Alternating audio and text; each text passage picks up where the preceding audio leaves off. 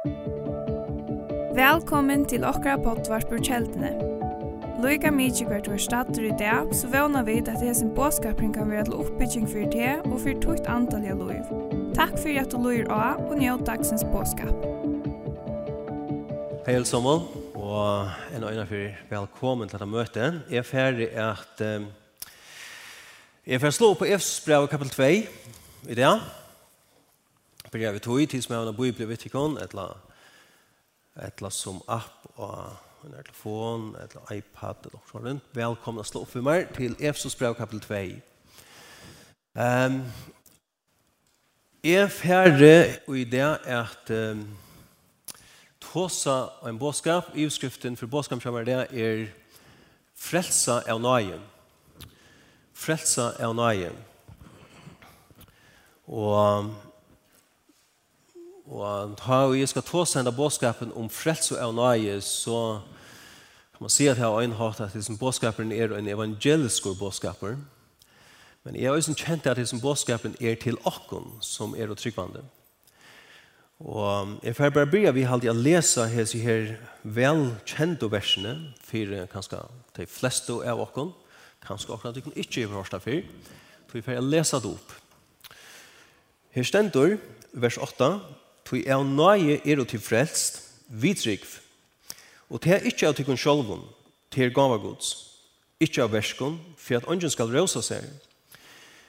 Tui vid er og smui hansara, skapt ui Kristi Jesu til gauverk som god framan undan hever lagt til røyer, er at vi skulle liva ui taimun. Nå etter året nøye, som vi sutja her i skriftene, Eh, det er et år som er et ekkert tøytningar mykje år i, i atler biblene. Det er et år som vi møter eh, ekkert ofte. Vi møter det atter og atter her her året nøye. Og året nøye, selv året nøye, kan heva imenskan tydning i skriftene, alt etter hver en sammanhenget det stender i.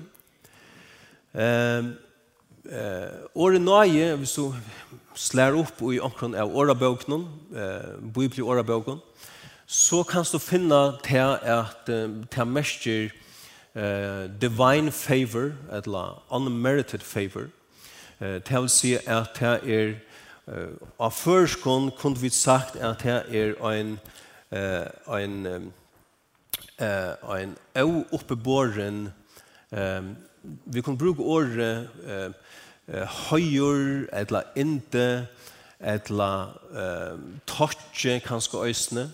Eh, vi kunne kanskje jo avisen før bruke ordet gøska. Eh, mer da man også vel å bruke ordet favør, øysene. Det er ikke enda first første år, men fra enska ord om favor. Det er at god djevor og en menneske nøye, eh, mest til god djevor til menneske noen favør. Han han, han viser til menneskene høyr han gjør til menneskene, menneskene en og så vi er hjelp, alt det som det innehelder. Men tar vi tåse om året nøye og i samband vi frelse, så kan man øyenfall si at det er at året nøye merker en gava som vi får for i ein En gava som god gjever okkon for i. Og let meg understryka til at ta og i Bibelen sier til at vi er og frelst av nøye, så er frelsan en gava som vi er given okkon fyrir åndsje. Hon vil er given okkon, hon er avkjepes fyrir okkon. Eh, jeg kan huske meg å lese Rønbrau kapitel 3 og vers 23. Rønbrau 3 og 23 og 24. Her stender det at ødel heva synda, og tøymon fatta stort gods. Vers 24 sier så løys, og tei vera rattvistgjørd fyri åndsje, og tei vera rattvistgjørd fyri åndsje er nøye hansara, vi endur løysingsene som er i Kristi Jesu. Så Bibelen sier først at ødel heva synda, åndsjen undan tidsen, men her da sier Bibelen, at tei vera, fyrir tei, ödel tei som heva synda, tei vera rattvistgjörd fyri ontje av nai hansara. Så tar vi tåsa om frelse av nai som sier, så er det en gava som god djever okkon fyri ontje, eh, og, og som sier fyri okkon er hon avkjepes. Men det er frelsan er av nai og at hon er avkjepes fyri okkon det merker ikke til at hon er boilig. Sørst du, om vi får en gave, og dette året gave, det sier i seg selv til at det er for åkken, at det er for åndsje, at det er avkjeps for åkken. Hvis jo åkken kommer til togjen vi en gave, til dømslen føringar det, og djevet har en gave, og så igjen sier vi det, hva skal det her råkningen for gavene? så var det ikke vi kunne definere det her som en gave. Men det er, det er en gava til oss. Bibelen sier Ron Brown 6, 3 joisene, at tog lønnen i synden djever er deg. Tå seg om til nok skorsjene, ja. At lønnen i synden djever er deg.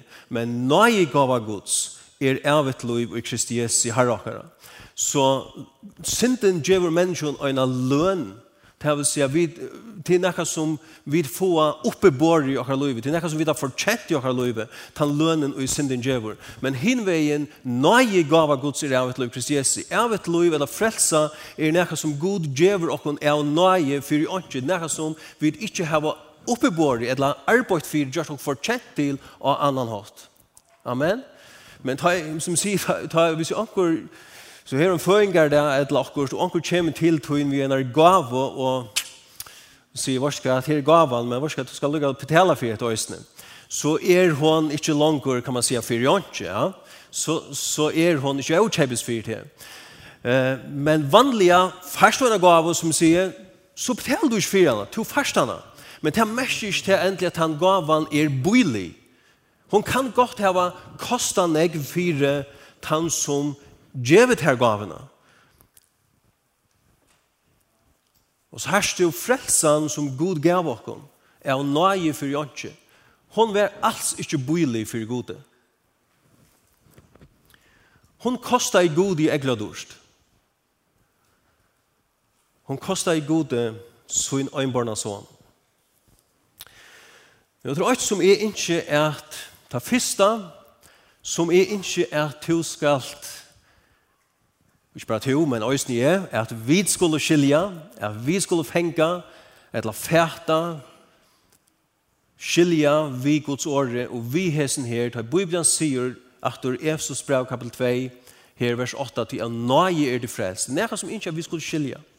Og til det er frelsen er av nøye punktum. Hon er av nøye, og hon er bæra av nøye. Og det er her som jeg møter mennesker vi først, som strujast vi hetta.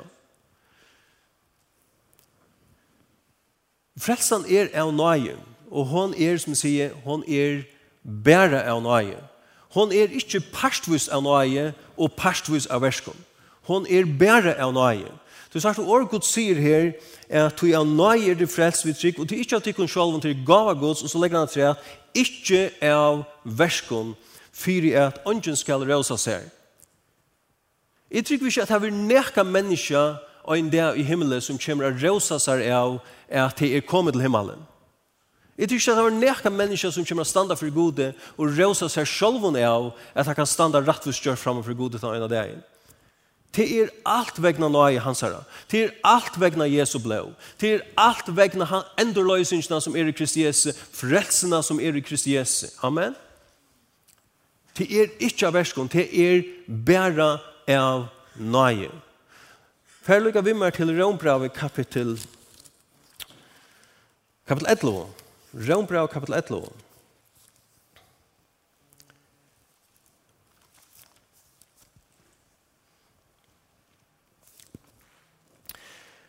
8 vers. Rombra vi 11 vers 6. Her sier året god såløys at men er til av nøye, så er til ikke langer av verskom. Annars verur nøyen ikke nøye langer. La meg lese det verset i øynene fra 34. Men er til av nøye, så er til ikke langer av verskom. Annars verur nøyen ikke nøye langer. Anten er frelsan av nøye, Etla er hun av verskon. Hon er ikke bægi. Hon er ikke bæg av nøye og av verskon. Vi kunne ikke få av nøyene på båda måter. Er nøyen, er, er frelsan av nøye, så er hun bæg av nøye. Amen. Vi kunne ikke få av frelsene båda veier. Vi kunne ikke få av frelsene bæje vi nøye og av verskon. Anten er hun av nøye eller av verskon. Hun er ikke en blanding av som barn. Men Orgod sier at at hun er av nøye, så er hun ikke av verskon. Og hun er ikke av verskon, for jeg nekker skal råse seg. Hun er bære av nøye. Amen. Ångtøyna så kan vi sutja reklamer, eh, lysingar, tja omkring fyrtøkken, eh, eller handelen som selger okkurst. Og her du kan svære inn og kjeip okkurst, her du ikke betaler den første måneden. Men så skal du så til å betale det. Etter fylgjande månedene. Vi er en av sånn avdreie kanskje, og, og, og her til kanskje vi er sin rett.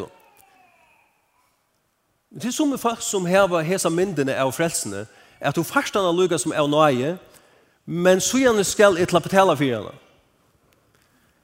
Men så er frelsan er ikke så løs. Hun er av nøye, beget han degen til møteker men hon er øysen av, frels, hon er øysen av nøye at han også har blitt frelst.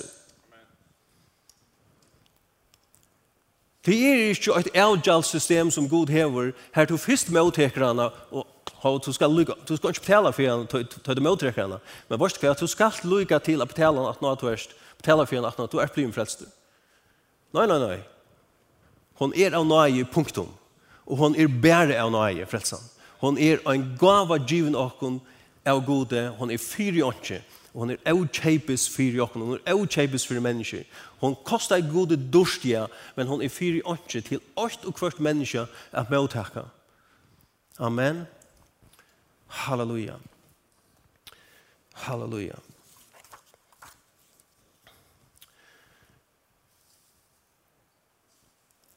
Jo, det nästa som jag inte att du ska suttja, eller som vi skulle skilja vi frelsene, Og til at han frelsan som Gud har givet oss, er en pakkalås.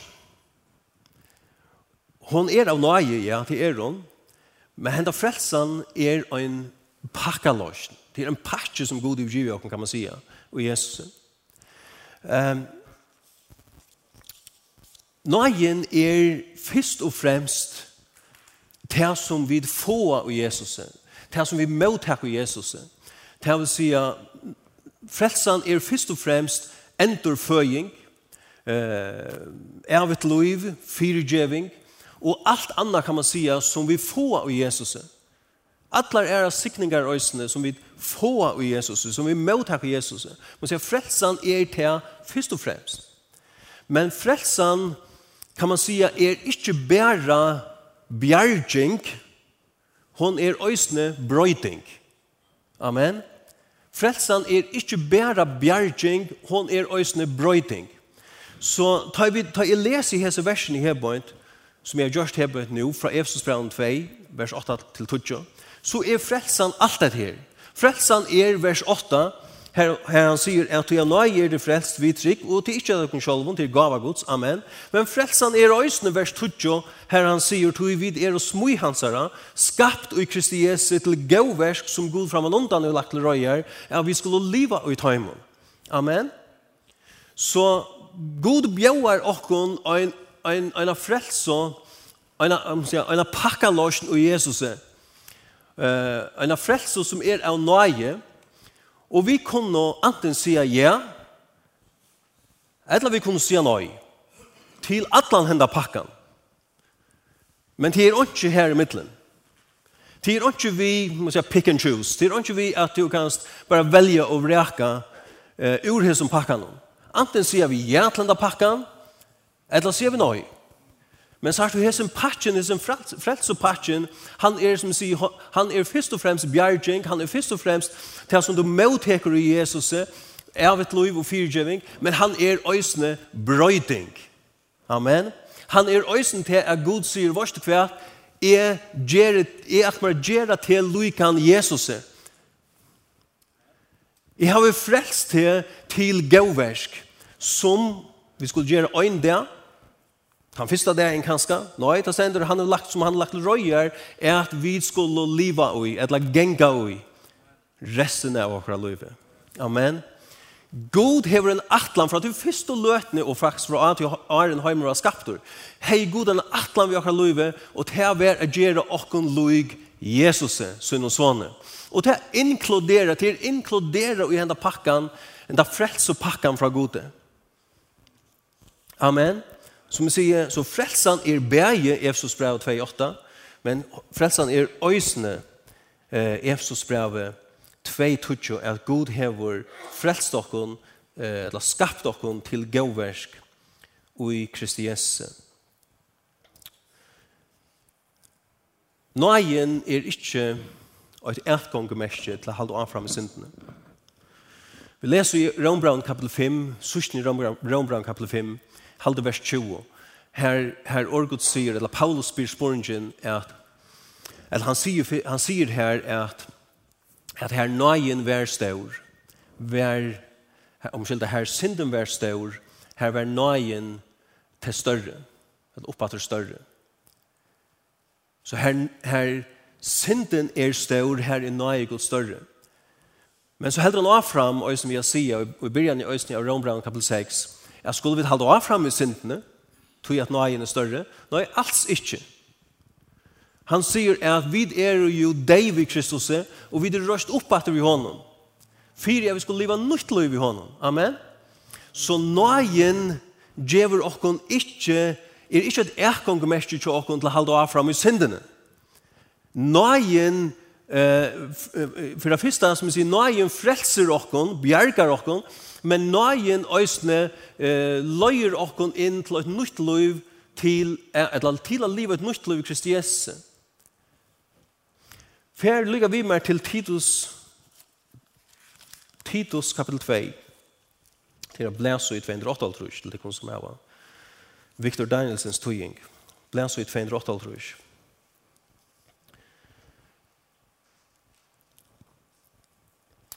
Her Stendur, Titus 2, 11. Her stendur, nøye Guds er åpenbæra ødlån menneskjon til frelsen.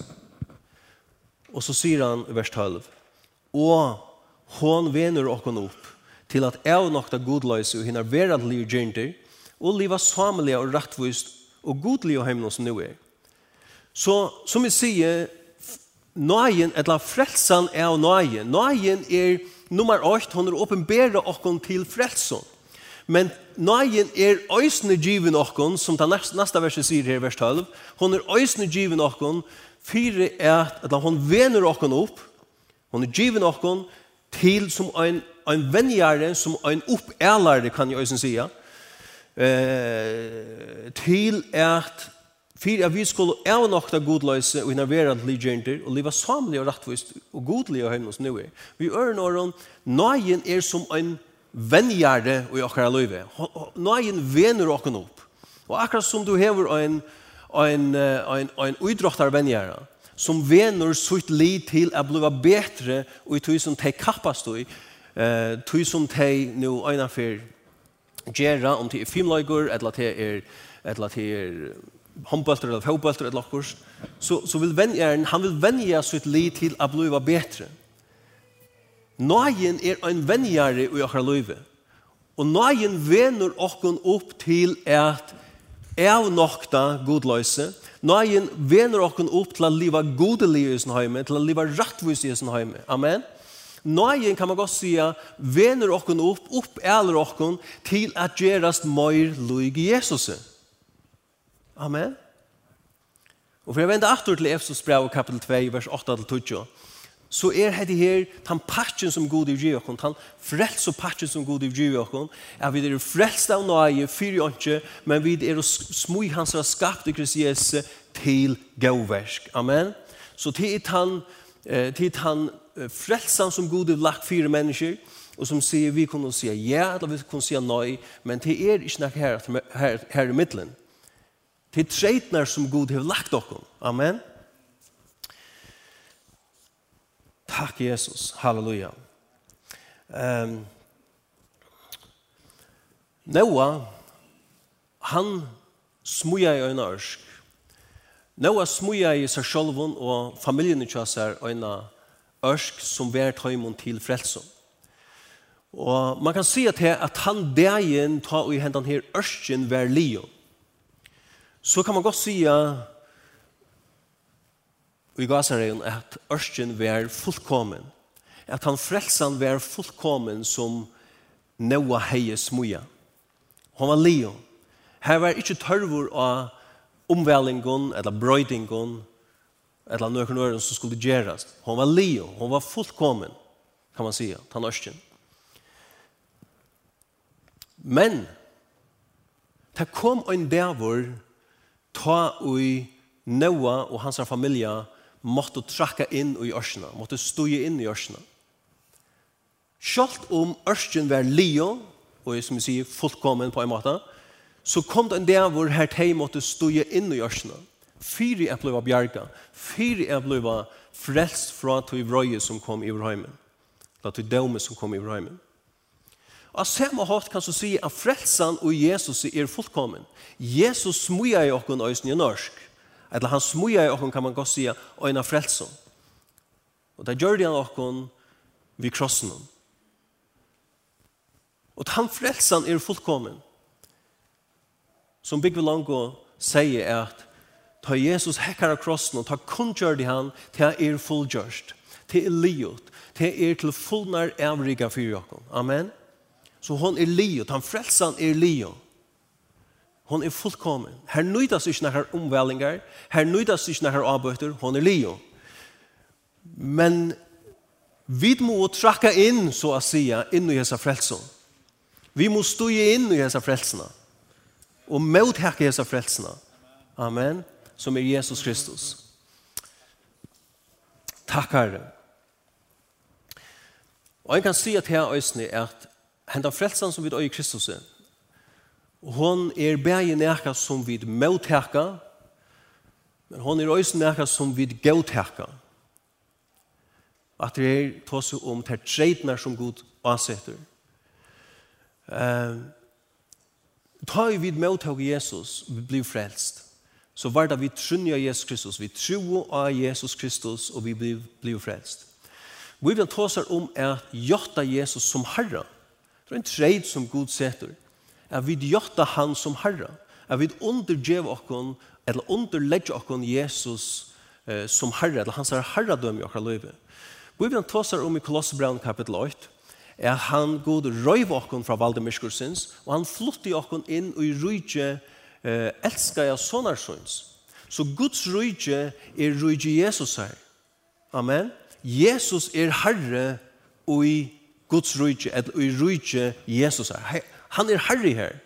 Og for et menneske som kommer, skal inn i Guds rujtje, så er en treid, og tid man underlegger seg hans herravelde.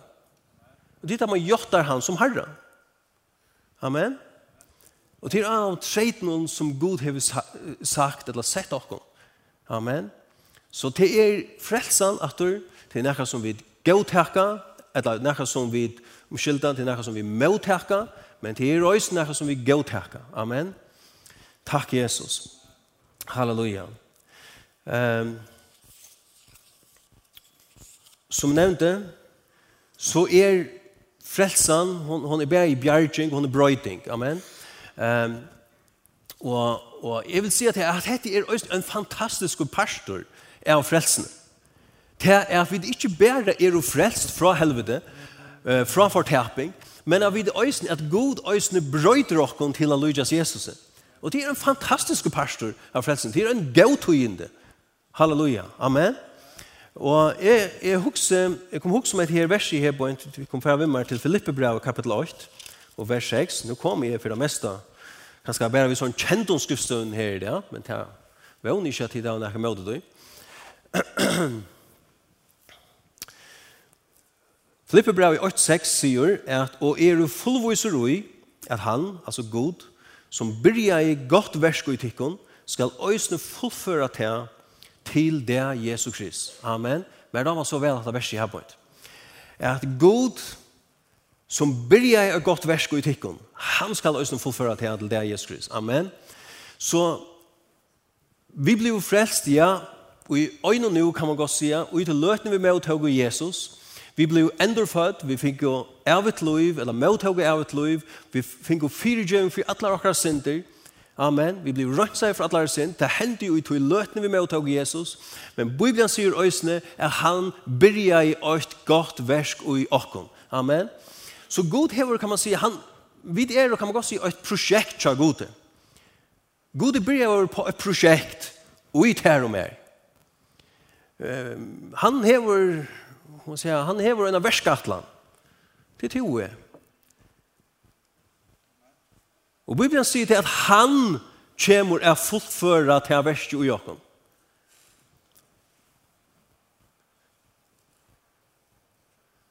Til tøyer så kommer vi høyre om avvis, avvis er allmennar, eh, bytje atlaner, eller verske atlaner, som man sier, først jeg har iverhilde tøyer atlanene, etla, eller at han bygger kostnaden som ble avsettet.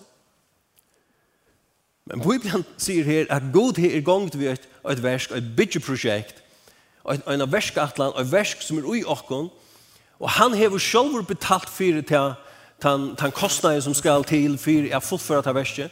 Men han hevur också sett sig här fyrir för att han fer at fullföra det värste. Det här kommer inte stanna hållt livet. God har sett sig för att to och är skulle lydas till Jesus. Amen. Og han har avsett en, en del ta i eh, hette her verste skal være livet. Det er, kan man si, det er slutt dato i kalenderen til gode. Amen. Til det er Jesu Krist. Han det er en Jesus kommer aktor. Amen. Ta hette verste skal være full først. Og man kan legge til at og god kommer og snett halda til at du er atlan som har sett. Halleluja. Jeg kunne huske meg at enda vi i sånne her en sånne fantastiske versen fra 1. Johansabra kapitel 3. 1. Johansabra kapitel 3. Vers 8-2. Her kjenner du suttje hvordan større en kærlig affæren i Vursdokken, at vi skulle kalla spøttengods, og vi er ut her. Det er ikke noe som vi er en affæra bløyva, vi er jo bøttengods. Amen. Amen. Vi blir bøtten Guds han bæg vi med av Jesus, da blir vi født av nødgjøn. Og vi er ut her, tog kjenner høymen nok, ikke det han kjenner ikke han. Så sier vers 2, Tid elskar vi, nå er vi bøtten Guds, og ikke er åpenbære enn hvert vi skulle være. Vi vita at da han åpenbæres, da Jesus åpenbæres, skulle vi være hånden loik, tog vi skulle sudja han som han er. Amen. Det var en fantastisk dag. Det var en fantastisk løte, og dette er en, en pastor er til vevn som vi er i Jesus, at en der kommer Jesus atter. Og vi skulle sutja han som han er, og vi skulle ombrøydas i øynene nu, og så vi skulle være gjørt hånden loik. Amen. Og henta dagen her, ta er hette her, ta er hette verste som Gud byrja i ui okkon fullførst, ta vi liot han dagen, at ta kommer vi til loikast hånden til fullnar. Amen, Jesus. Halleluja. Så, så bare for lykke helt stort å takke sammen om, frelsen er av nøye, hun er fyri åndsje, hun vil drive åkken av gode fyri åndsje og i Kristi Jesu, amen. Men frelsen er, som vi sier, hun er bare i bjergjeng, men hun er også en brøyding. Og hun er av god brøyder åkken, så vi gjør oss til Jesus, eh, la gjør oss lykke Jesus, amen. Halleluja. Amen. Og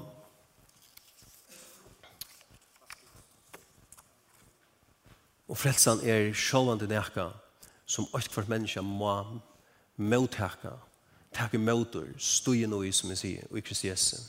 Kun låsangaren bra kom opp etter, vi færre at vi færre at uh, låsen ikke herren er sindra treat. Um, Lært dere bare ødel røysaken opp, og han bier av stått av bøen her, Halleluja. Halleluja. Fæg, vi takka til her. Pryset her, fæg, for din kærløyga. Vi takkar til her, fæg. Fyre hessa store frelse og herre, du giv vi i Jesus, fæg. Takk for det, fæg, at, at vi kunne vita, og at vi kunne kvile i hessa fæg, at henda frelse i giv jo av nøye, fæg, for jønse. Takk for det, fæg. Takk for at hon er ikke av verskon, fæg. Hon er ikke nekka som vi skulle strujast vi, eller arbeida fyrir feir, men hon er given okkon, og en gava som er givet okkon. Feir, takk fyrir til nøye. Takk fyrir feir av vid som uh, høyde synda feir, vid er òsne bliven rattvistgjørd, eller frelst fyrir åndsja nøye til henne feir. feir, vi bare prysat her. Takk fyrir òsne feir, hetta feir, at to òsne bare brøyder okkon til at Jesus i møyre møyre feir. Takk fyrir feir,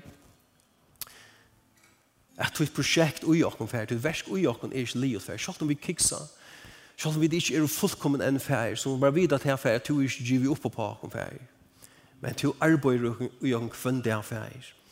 Halleluja. Fer takk fyrir fer, vi bi fer mos onker er her fer, som kjenner seg, eller ser på seg som misedna i han fer, så bare be fer om at du vil brøyta til sjålsmynden av fer, At du brøyta tar tankene fægir, Jesu navn og feir. At vi skulle suttje okkon i ljøsen av hvordan du sørst okkon feir i himmelen. Halleluja. Feir i himmelen er bygge for øyne en som er her, eller som er hørst med her i dag feir, og som ikke øyer Jesus feir. At du vil leta hjertet opp fægir av vi kommande fægir. At du vil geva vi kommande nøye til at takke møder fægir. Tvinne frelse og som er i Kristi Jesu fær. Fær takk fyrir fær. Takk fyrir at du er en nøyenar god. En nøyer rygur god fær. Halleluja. Vi bare prysar det her. Takka det her. Vi vil æra det fær. Halleluja. I Jesu navn. Amen. I Jesu navn.